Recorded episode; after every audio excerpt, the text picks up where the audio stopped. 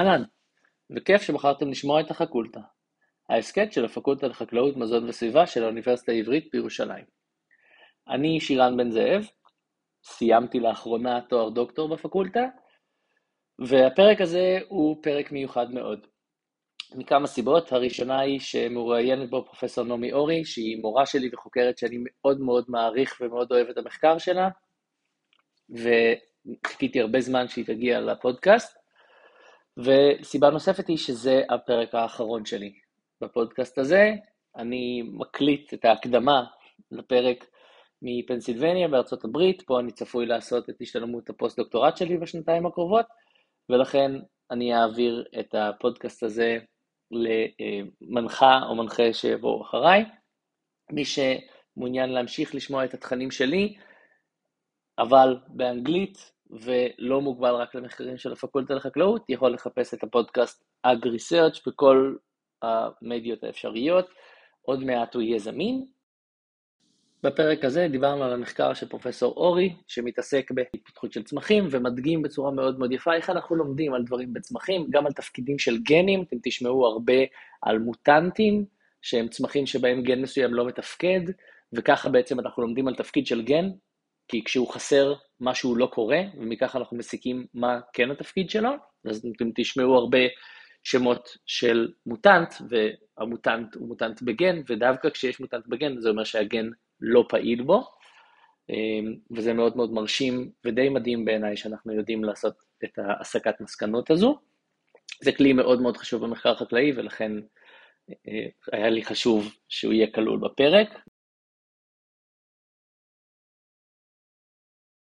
ואני משוכנע שתהנו מאוד, כרגיל, מאוד מאוד אשמח לשמוע תגובות והערות או שאלות, מוזמנים לפנות, ועם זה נתחיל בריאיון.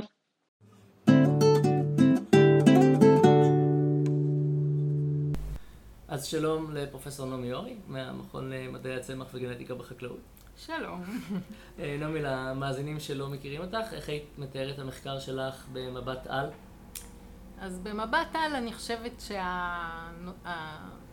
שה... הכי על השאלה הגדולה שאנחנו שואלים במעבדה זה השאלה שקשורה לגמישות ההתפתחותית של צמחים. בעצם זה בעיניי אחד הדברים הכי הכי מרתקים ב... בצמחים והייחודיים לצמחים וזה שהם הם בניגוד אלינו לא נולדים עם כל האיברים שלהם אלא הם מייצרים את האיברים שלהם ובונים את האיברים שלהם ומחליטים איזה איברים ובאיזה צורה ובאיזה גודל לאורך החיים שלהם. וזה בעקבות גם התנאים החיצוניים, גם התנאים הפנימיים, גם אה, הקשר בין איברים ולבין עצמם וכן הלאה. וזה בעצם גוזר המון דברים, זה גוזר קודם כל גמישות שבעקבות איזושהי איזשהו אינפוט, הצמח יתפתח או ככה או אחרת, וזה ברמה שאם אנחנו נשליך את זה רגע לעצמנו, זה ברמה מטורפת. אין אנשים כמעט שאין להם שתי ידיים, אבל מספר העלים של צמחים הוא... שני צמחים זהים גנטית, לא יהיה להם את אותו מספר עלים. וזה מטורף.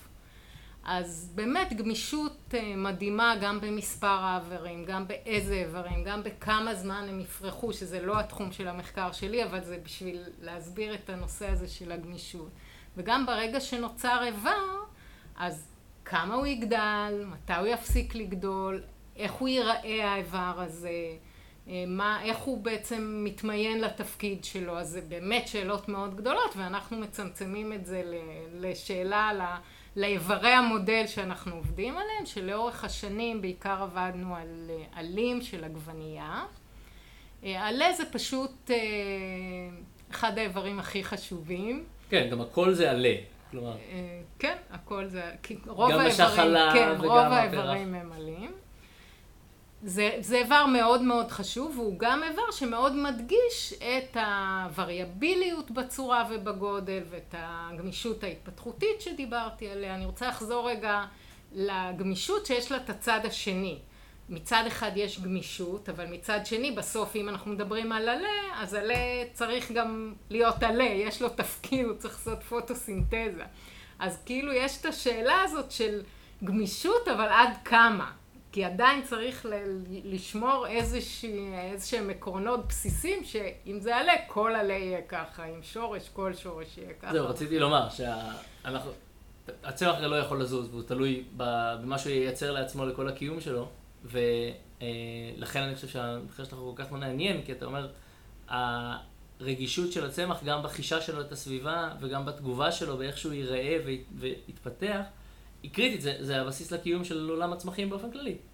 כן, אני, זה... אני נוהגת לומר שבעצם ההתנהגות של הצמח זה ההתפתחות שלו. זאת אומרת, או ההתפתחות זה ההתנהגות שלו. זאת אומרת, ההתפתחות זה לא רק דבר שולי, זה לא קורה בעובר וזה, אלא באמת בדיוק מה שאמרת, הם לא זזים וככה הם מגיבים, הם ממש מגיבים ביצירת איבר או אה, בניין של איבר וכן הלאה.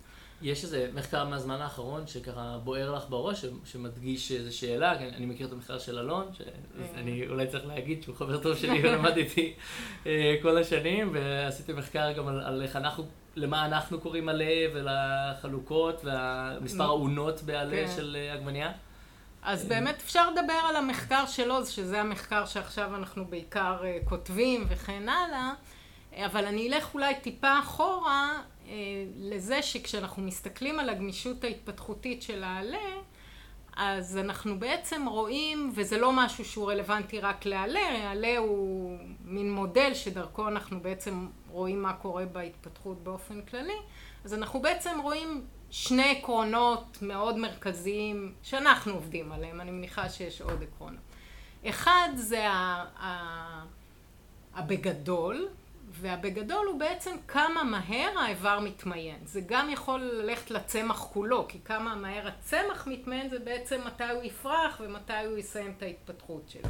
אבל אם אנחנו נלך לרמה של האיבר ושל העלה, אז כמה מהר העלה מתמיין.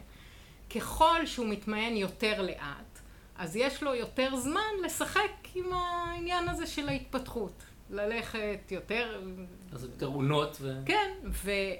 ובת... אז אנחנו קוראים לזה חלון התפתחותי. יש איזשהו זמן, מהזמן שהעלה מתחיל לצאת מהמריסטמה, שאני אסביר, למרות שאתה יודע, שהמריסטמה זה איבר בצמח, שהוא בעצם אחראי על הגמישות ההתפתחותית ועל היכולת לייצר איברים לכל אורך החיים, כי זה איבר שמשמר את ה, בעצם את התכונות העובריות ואת הסטם סלס של, של הצמח. אז מהזמן שהוא יוצא ועד שהוא מגיע לגודל הסופי ומתמיין ומתחיל לעבוד בעצם, אז הוא... אה, יש לו זמן להתפתח. ככל שזה ייקח יותר זמן, אז הוא יכול לעשות עם זה יותר דברים. אז זה עיקרון אחד. והעיקרון השני הוא מה קורה בתוך החלון ההתפתחותי הזה, בזמן שיש לצמח לייצר צורות, איך הוא מייצר אותן. אז באמת בהקשר, אני רק רוצה להגיד שאנחנו עובדים על עלה של עגבנייה, בגלל שהעלה של עגבנייה הוא מורכב לעומת העלה פשוט של הרבידופסיס. ובין היתר מה שמאפיין את העלה המורכב לעומת העלה הפשוט של הרבידופסיס, זה ש... אה, לו חלון. התפתחותי יותר רחב ויש לו עלעלים. הוא מתמיין יותר לאט.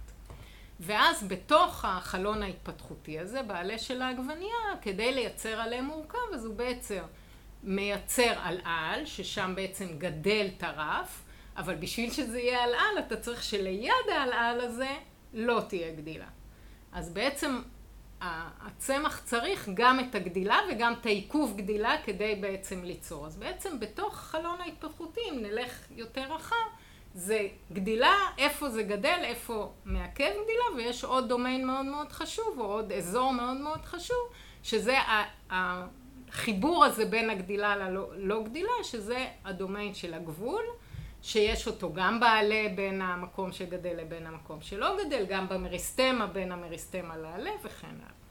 עכשיו, בתוך, אז, אז אנחנו רואים שהורמונים צמחיים הם משפיעים על שני התהליכים האלה. הם גם משפיעים על התהליך של כמה זה מתמיין וכמה לאט הוא יתבגר ומתי הוא יתחיל לעבוד, והם גם משפיעים על ה... בתוך התהליך.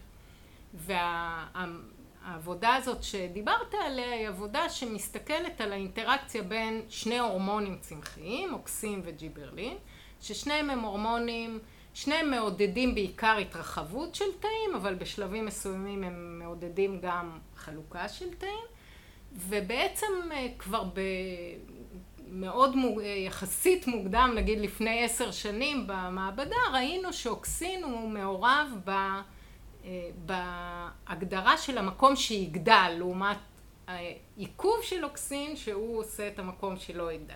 אז אם נחזור למה שאמרנו קודם שצריך לגדול ליד לא לגדול אז אם אתה חושב, אני יודעת שלא רואים את הידיים שלי, אבל אה, אני מקווה שמבינים, אז אם אתה, אז אם אתה חושב שאוקסין מעודד גדילה, אז אם יש אוקסין במקום שגדל, ויש עיכוב של אוקסין במקום שלא גדל, אז אתה תראה תייצר פה מקום של גדל למקום שמה שלא גדל. ואלה הסיגנלים שאתם גם בודקים? כלומר, המערכת הניסויית מתעסקת בייצור והיעדר של ייצור באוקסין במקומות ידועים, או שיש איזה סיגנל חיצוני שאפשר דרכו להשפיע? מסתכלים לא על הייצור של אוקסין, כי קשה, זה יותר קשה, וגם לא על האוקסין עצמו, אלא אנחנו, מה שאנחנו עושים זה אנחנו משתמשים בסמנים שהם אה, בעצם מבינים איפה אוקסין פועל. זה בעצם סמנים שהם סמנים של התגובה לאוקסין, ומשתמשים בהם כדי להבין לא איפה יש אוקסין, אלא איפה הוא פועל. אז אנחנו גם רואים מה קורה בצמח עצמו, אנחנו רואים שאוקסין, שיש תגובה של אוקסין במקום של גדל, ואין תגובה של אוקסין במקום שלא גדל, ואנחנו גם מנסים להבין, אז זה בעצם אומר מה יש. אבל כדי להבין האם באמת אוקסין הוא זה שגורם לגדילה, אז אנחנו צריכים לעשות משהו עם זה. אז זה אנחנו א', עובדים עם מוטנטים, שבהם יש איזושהי בעיה בוויסות של האוקסין. לדוגמה, יש לנו מוטנט שנקרא אנטייר, שעושה עלים פשוטים כי אין גדיל, כי יש גדילה גם במקום שאמור לא לגדול, והמוטנט הזה מצאנו שהוא במעכב תגובה של אוקסין. אז מה זה אומר בעצם? זה אומר בעצם שבדרך כלל הגן הזה, כשהוא פועל נורמלי, אז הוא פועל בין העלעלים במקום שלא אמורה להיות גדילה, במקום שיש עיכוב, והוא מעכב את התגובה של אוקסין ומעכב גדילה. עכשיו, כשהוא מוטנט, הוא לא פעיל, ואז... אין לנו את ההפסקות. אין, אין את ההפסקות. אז לא רק שאין את הגדילה, כשאנחנו מסתכלים על הסיגנל הזה של האוקסין, אנחנו רואים שבמקום שהוא יהיה רק במקום שגדל, הוא עכשיו לכל אורך העלה. אז אה, זה למשל, אתה לוקח מוטנט ואתה גם מבין באמת את התהליך. אתה מבין שאם עכשיו לא עיכבת את התגובה לאוקסין, אז הוא גם גדל וגם יש תגובה לאוקסין. ואתה גם כבונוס מבין מי השחקן שעושה את זה, ובמקרה השחקן הזה הוא משהו מאוד חשוב בסיגנל הידוע של אוקסין, הוא מעכב ידוע של סיגנל האוקסין, אז זו דוגמה שבדרך כלל היא לא כל כך יפה ופשוטה, אבל שפשוט הכל יסתדר. אז זה הפנימי, ובנוסף אנחנו עושים גם אה, טיפולים חיצוניים, למשל טיפול באוקסין, וזה מוביל באמת לשאלה האחרונה שעכשיו אנחנו מתעסקים עם הכתיבה שלה, של האינטראקציה בין אוקסין וג'יברלין בגדילה. אז מה שראינו זה שאוקסין גורם במוטנט הזה, שדיברתי איתך עליו אנטייר, זה מוטנט שיש גדילה לכל אורך הדרך, אז אמרנו, אוקיי, מה אוקסין עושה שם בעצם? בסדר, אוקסין גורם לגדילה, אבל איך? אז עשינו אה, הסתכלות על ביטוי גני, וראינו שהרבה גנים שמשתנים במוטנט הזה הם גנים שקשורים לג'יברלין. ואז אמרנו, אוקיי, אז כנראה ג'יברלין משפיע על ה... פועל, אוקסין משפיע על ג'יברלין וגורם לגדילה. אה, ואז אה, באמת ראינו שכשאנחנו מורידים ג'יברלין אז הפנוטיפ הזה של אנטייר נעלם. ואז ראינו שבכלל זה עוד יותר מעניין ועוד יותר מורכב, כי כשאנחנו מסתכלים מאוד מאוד מוקדם אחרי שאנחנו מרססים אוקסין, אז לא שעולים הגנים של הביוסינתזה של ג'יברלין, אלא ההפך. הם יורדים, והגנים של הפירוק של ג'יברלין הם אלה שעולים. ומזה הגענו בעצם להבנה שאוקסין פועל דרך ג'יברלין, אבל הוא פועל בכמה שלבים. הוא קודם כל מוריד ג'יברלין בשביל שיצא עלה, ואז מעלה ג'יברלין בשביל ש... שיפרס. כן. אה, אז אני, אני, זה, זה נורא מעניין. כשאנחנו מדברים על התפתחות, הילד שלי בן שלוש, כשאנחנו מדברים על התפתחות, אז תמיד אומרים, אוקיי, עכשיו הוא גדל נורא מהר, יש חלונות גדילה כאלה, של אה, עכשיו הוא מאוד גבוה, אחר כך יש כל מיני התפתחויות אחרות שקורות, הוא צובר תכונות. עד כמה אתם רואים את זה בצמחים? כלומר, עד כמה הגיל הכרונולוגי אה, משפיע על דפוס ההתפתחות, על החלונות האלה שהזכרת? אז תראה, קודם כל, ההבדל בין הבן שלך לבין צמח, יש כמה... יש כמה הבדלים, הוא לא עושה פוטוסינתזה, צריך להכיל אותו, כל מיני כן. דברים כן, פעוטים כאלה. אבל עוד הבדל זה שלא כל האיברים, אבל רוב האיברים של הבן שלך הוא נולד איתם. ובעצם כל האיברים שלו הם באותו גיל. הם גדלים, אבל הם באותו גיל. הצם, אז הבן שלך, זה לא נכון להגיד שכולו באותו גיל, כי התאים שלו מתחלקים, והתאים שלו הם בעצם לא רק שהם לא באותו גיל, אין לו אף תא שהוא אותו דבר כמו שהיה לו כשהוא נולד, או אולי לא עוד יש, אבל אה, לא הרבה תאים. אבל בצמחים, האיברים הם בגילאים שונים, כי אם עלה נוצר קצת אחרי שהצמח נבט, ועלה אחר נוצר חודש או חודשיים או שלושה חודשים, או בעת זה יכול להיות מאה שנה אחרי, זה שני איברים בגילאים שונים לגמרי. אז השאלה אם אתה מדבר על הצמח או אתה מדבר על, ה... על איבר. אז בגדול, צריך קודם כל להבין שצמחים הם לא באותו גיל. האזורים השונים בצמח הם לא באותו גיל. אבל בגדול הצמח כל הזמן ממשיך להתפתח.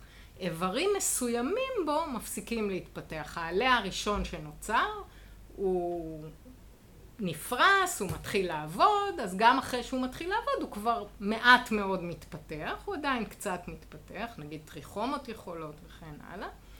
ובסוף הוא גם מת, שאנחנו רואים את ההזדקנות, את המוות, כחלק מההתפתחות.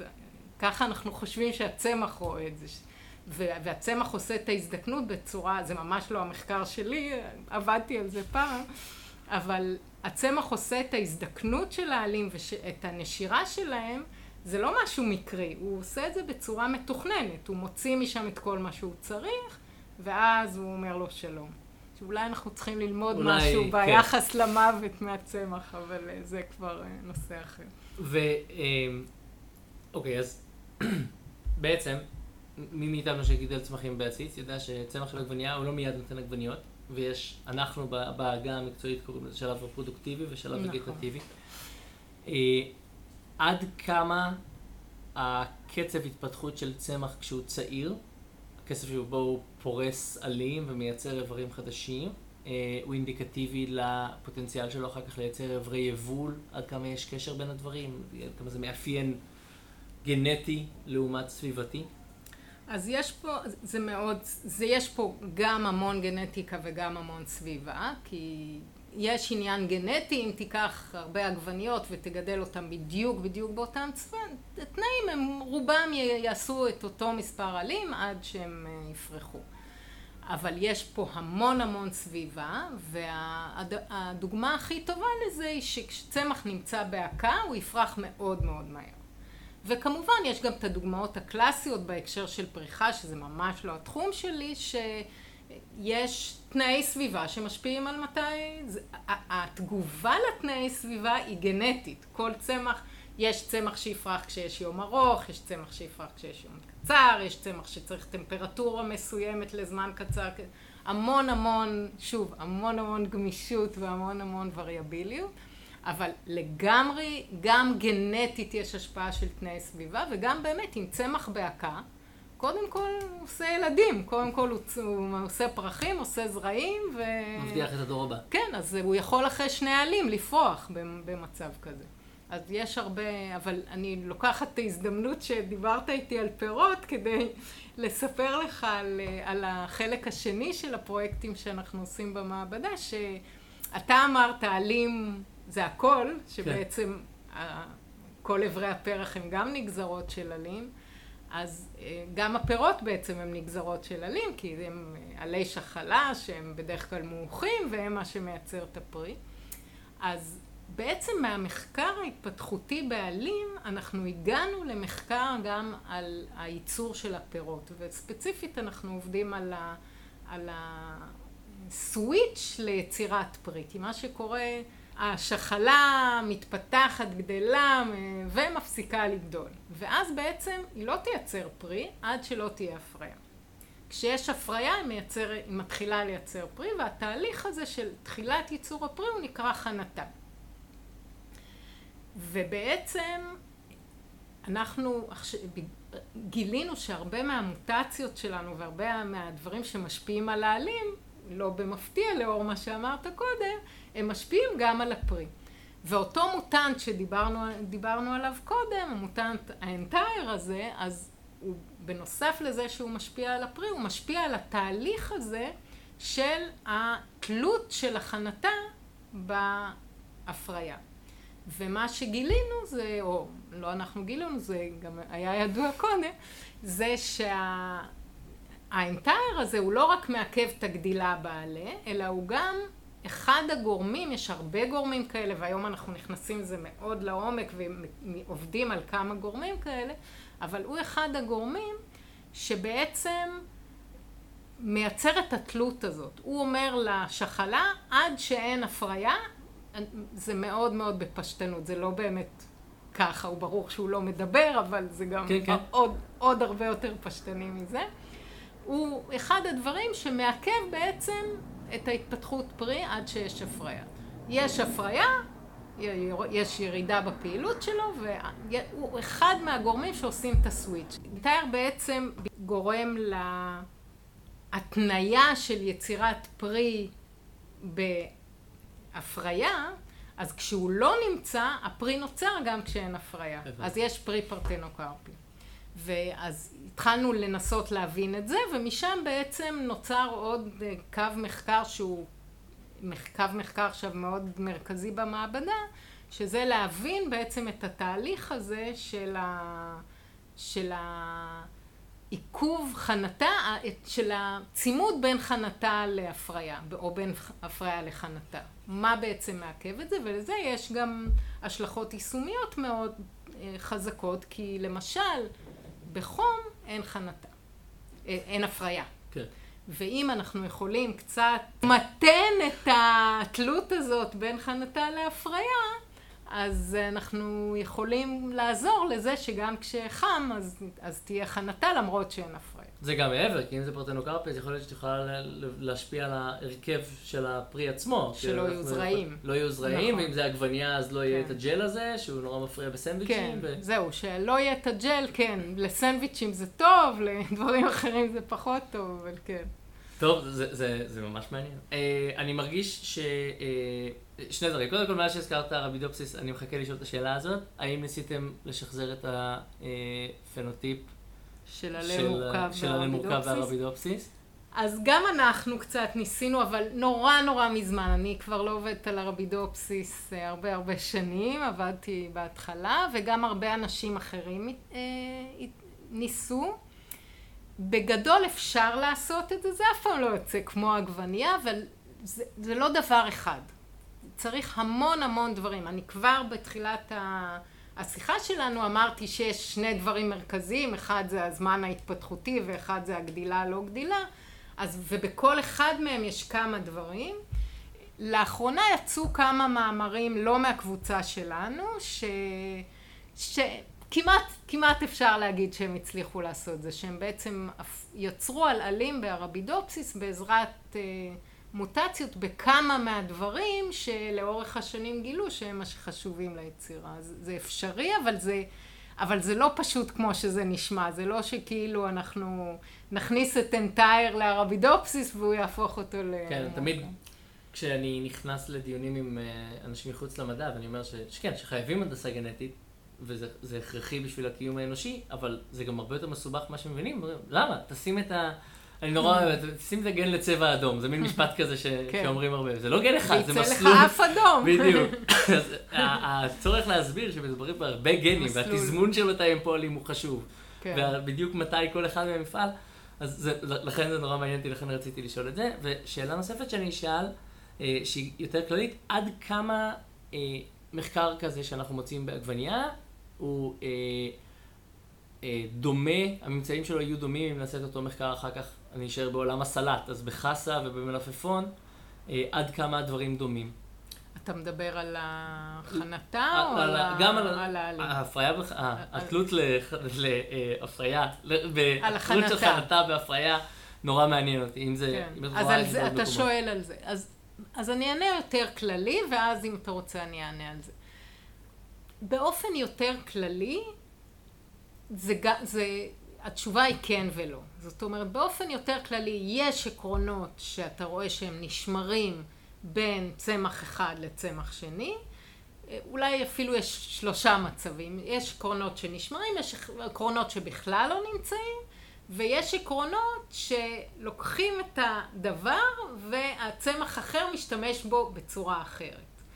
ואנחנו רואים את כל הדברים האלה, ולכן אני חושבת שמצד אחד יש חשיבות להבין לעומק כל תהליך ב- בצמח מודל הכי רלוונטי ושהכי נכון או קל לעשות את זה בו, ומצד שני, בשביל להשליך, אתה חייב לבדוק את זה. זה אף פעם לא...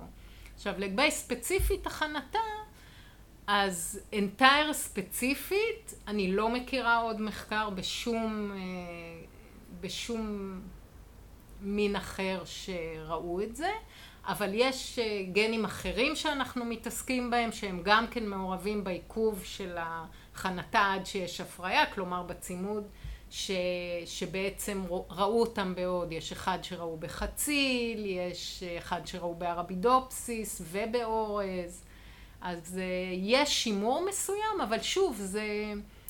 לדוגמה, אני לא אכנס לעוד שמות של משפחות, כי אמרתי מספיק שמות של גנים ושל הורמונים וכל מיני דברים כאלה, אבל יש משפחה אחת שהיא חשובה לצימוד הזה, וראו מה היא עושה בארבידופסיס, ויש כל, דיברנו על משפחות ושזה מורכב, אז יש כל מיני בני משפחה למשפחה הזאת. וכשאנחנו מסתכלים על זה בעגבניה, אז בגדול המשפחה הזאת כנראה כן עושה לפחות דברים דומים, אבל זה לא אותם בני משפחה. אז uh, צריך לעשות את כל העבודה הזאת מההתחלה עד הסוף, אבל זה נותן המון המון uh, אפשרויות. אני חושבת שבחלק מהגנים שאנחנו עובדים עליהם זה ממש שמור, ממש ממש שמור, אבל כי בינתיים אנחנו רואים את זה בעוד מקומות, אבל זה שוב צריך לבדוק. זה, זה מרתק בעיניי, אני, אני נורא אוהב את המחקרים האלה. אתה אוהב אבולוציה. אני לא, לא רק אבולוציה, זה גם, זה מה שנורא חסר לי בסוג המחקר שאנחנו עושים. שהיכולת שלנו לשאול למה היא מאוד מוגבלת, כן, וזה נורא מעניין. זה באמת מעניין, זה חשוב גם. כן. אה, אז, אז... אה, בסוף טוב שעושים מחקרים בהמון המון תחומים ועושים פודקאסטים וזה, אז בסוף הכל מתחבר ביחד, זה כן. משהו מאוד מעניין. אני חושב ששם הכוח שלנו, אה, ממש כך. אה, אז אני אשאל עוד שאלה אחת אה, כללית, ואחר כך אני רוצה לשאול עלייך. אה, עד כמה היום אנחנו יכולים להשתמש ב, אה, בסיגנלים חיצוניים שמשפיעים על התפתחות, כדי להשפיע, נניח שחממה נכנסה להקה, עד כמה אנחנו יכולים להשפיע על ההתפתחות של צמחי העגבנייה שבה אה, באמצעים חיצוניים. נגיד בהקשר של חום, כן. ושיהיה חנתה ודברים כאלה.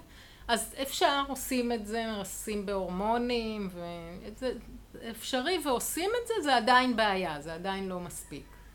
אז אני חושבת שאולי עם המשך המחקר ועם שימוש במוטנטים, זה עשוי מאוד מאוד לעזור לעניין הזה. זה האמת ש- זה מה שציפיתי שתגיד, אבל זה, שתגידי, אבל זה ממש... אה, כי אני חושב ש, שלשם אנחנו הולכים, אה, כן, לפתרונות התפתחותיים לבעיות כן. אה, מהסביבה. זהו, אז אני, אני רוצה כאילו להחליף הילוך ולשאול עלייך. אוקיי. אה, רציתי לשאול איך, הגעת לפקולטה ואיך... אה, אוקיי. איך הגעתי לפקולטה?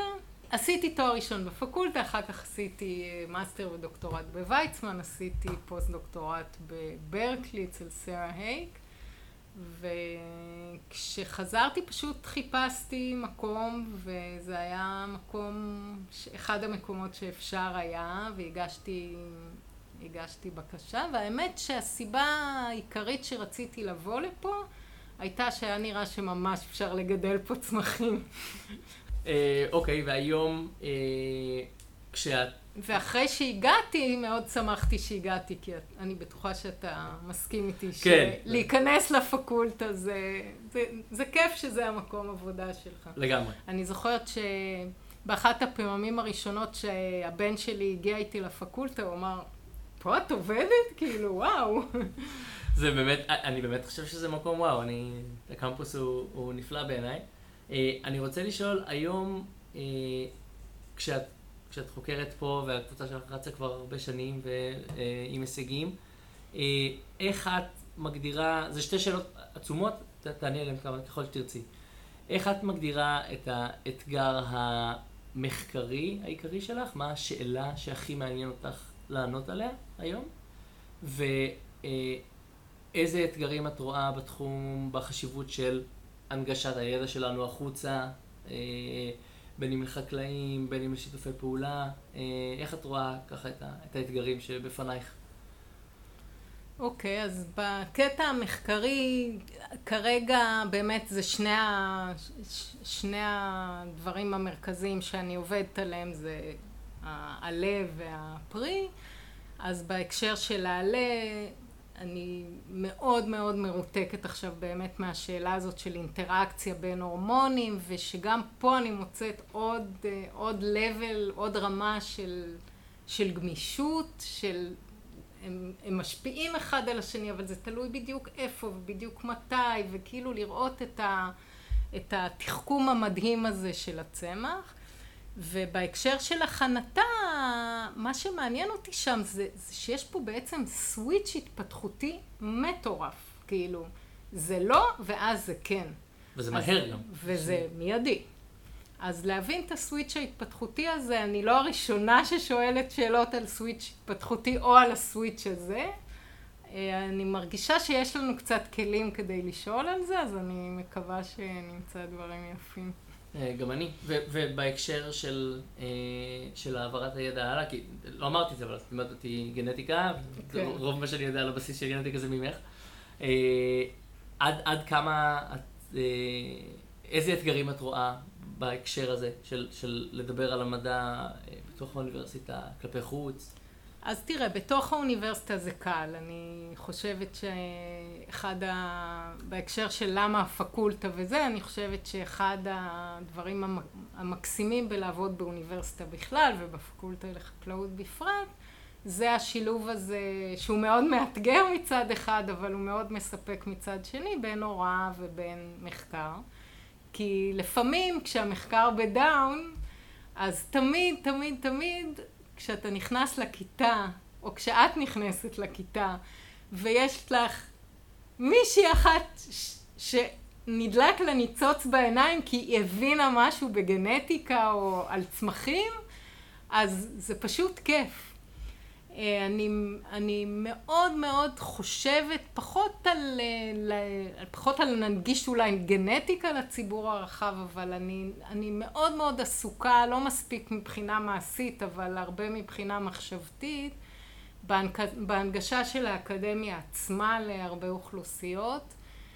אני, אני מרגישה שאנחנו צריכים לעשות, הר... ש, שזה הדבר הכי הכי הכי הכי חשוב שאני הייתי רוצה שנעשה כולנו עכשיו לתרום בו גם בעצמי, אני עושה את זה קצת, אבל ממש לא מספיק. להנגיש את האוניברסיטה ואת המחקר האקדמי ואת הלימודים האקדמיים, יותר בהקשר של לפתוח את המבפנים ליותר אוכלוסיות. אני רוצה את זה בשביל האוכלוסיות האלה, כי, כי אני חושבת שיש חוסר צדק מטורף במי יכול, מי מצליח להגיע ומי לא, וזה לא בגלל כישורים, זה בגלל היסטוריה... אני מסכים נורא. היסטוריה ממש. משפחתית, שכונתית וכן הלאה. אז אני מאוד רוצה את זה בשביל האנשים שאני רוצה שהם, יהיה להם את ההזדמנות להגיע לפה, אבל אני גם מאוד מאוד רוצה את זה בשביל האקדמיה. אני חושבת שיותר ויותר אני מבינה ומשוכנעת ש... שמגוון זה, זה לא בשביל האנשים הנוספים שבאים, אלא זה בשבילנו, והמגוון הוא בכל, בכל הרמות, הוא גם במובן של מי, מי פה, אבל זה מגיע גם מגיע גם למה חוקרים ולאיך חוקרים, ואני חושבת שיש לנו דרך מאוד ארוכה פה. אני בעד מצוינות, אבל אני חושבת שאנחנו צריכים להגדיר את המצוינות בצורה מאוד מאוד שונה, כי אם אנחנו מגדירים מצוינות כמו שהיא מוגדרת היום, אז בעיניי אנחנו נהיים יותר ויותר ויותר צרים, ואנחנו מפספסים את המצוינות. כי כשאנחנו מגדירים את זה לפי הקריטריונים הקיימים, זה קריטריונים של עילית, של אליטה, זה קריטריונים גבריים, אנחנו חייבים לש... להבין מה זה מצוינות בצורה הרבה יותר רחבה, כי אם אנחנו נמשיך להגדיר אותה ככה, אז אנחנו גם מפספסים להכניס, לתת את ההזדמנות השווה לכולם, שמבחינתי זה יותר חשוב מהכל. לא אכפת לי אם זה גם יפגע במצוינות, אבל אני גם מאמינה שזה לא פוגע במצוינות, אני מאמינה שזה חשוב לנו ולמצוינות שלנו. אני, אני נורא מסכים. אני כאילו, אני, אני, סליחה לי שזו אמירה אבולוציונית, אה, כאילו זה, אבל אני חושב שההפך משונות זה ניוון, ואני כן. ממש מסכים עם מה שאת אומרת. אני... זה בדיוק מה שאני חושב שהדור שלי צריך לעשות. כן. כי, כי אני, אה, ש... אולי אני אחתוך את זה אחר כך חוצה, אבל אני שגדלתי במושב, ושני שליש מהמרצים שלי הם גדלו במושבים וקיבוצים, אין, אין מה לעשות, יש פה איזה, משהו מנקה החוצה את כל הגוונים של האוכלוסייה, ואת זה צריך לפתור. והמשהו הזה זה, זה מגוון של דברים, זה לא רק אשמת הקריטריונים של הכניסה, זה, זה, זה הרבה דברים, אבל זה גם באמת איך שגדלת, איך שגדלת. אני גם דור ראשון להשכלה הגבוהה, אבל אז מה? זה איך שגדלת, וכשאתה מגיע לפה ממקומות מסוימים, האתגר שלך הוא כל כך יותר גדול, שקיבלת 60 בממוצע שלך, אתה הרבה יותר טוב ממישהו אחר שקיבל 100. זה באמת ככה. כן, כי אתה נלחם בשדים אתה ש... פשוט uh, עשית פי אלף הישגים, וחייבים איכשהו למצוא את הדרך, והאקדמיה חייבת להיות מספיק יצירתית כדי למצוא את הדרך, להעריך אחרת, ו... ולהכניס מגוון, ו... מגוון לא רק של אנשים, מגוון מכל הבחינות, צורות חשובה, צורות מחקר.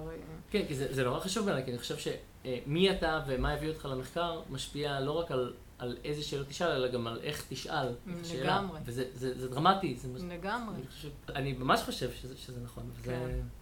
כן, אני, אני מקווה ש, שגם זה עוזר קצת. אה, בסדר, נעמי, תודה רבה. בשמחה רבה. תודה רבה רבה לפרופסור נעמי אורי על הראיון, תודה לכן ולכם על ההאזנה, תודה לכולם על התגובות שכן מגיעות.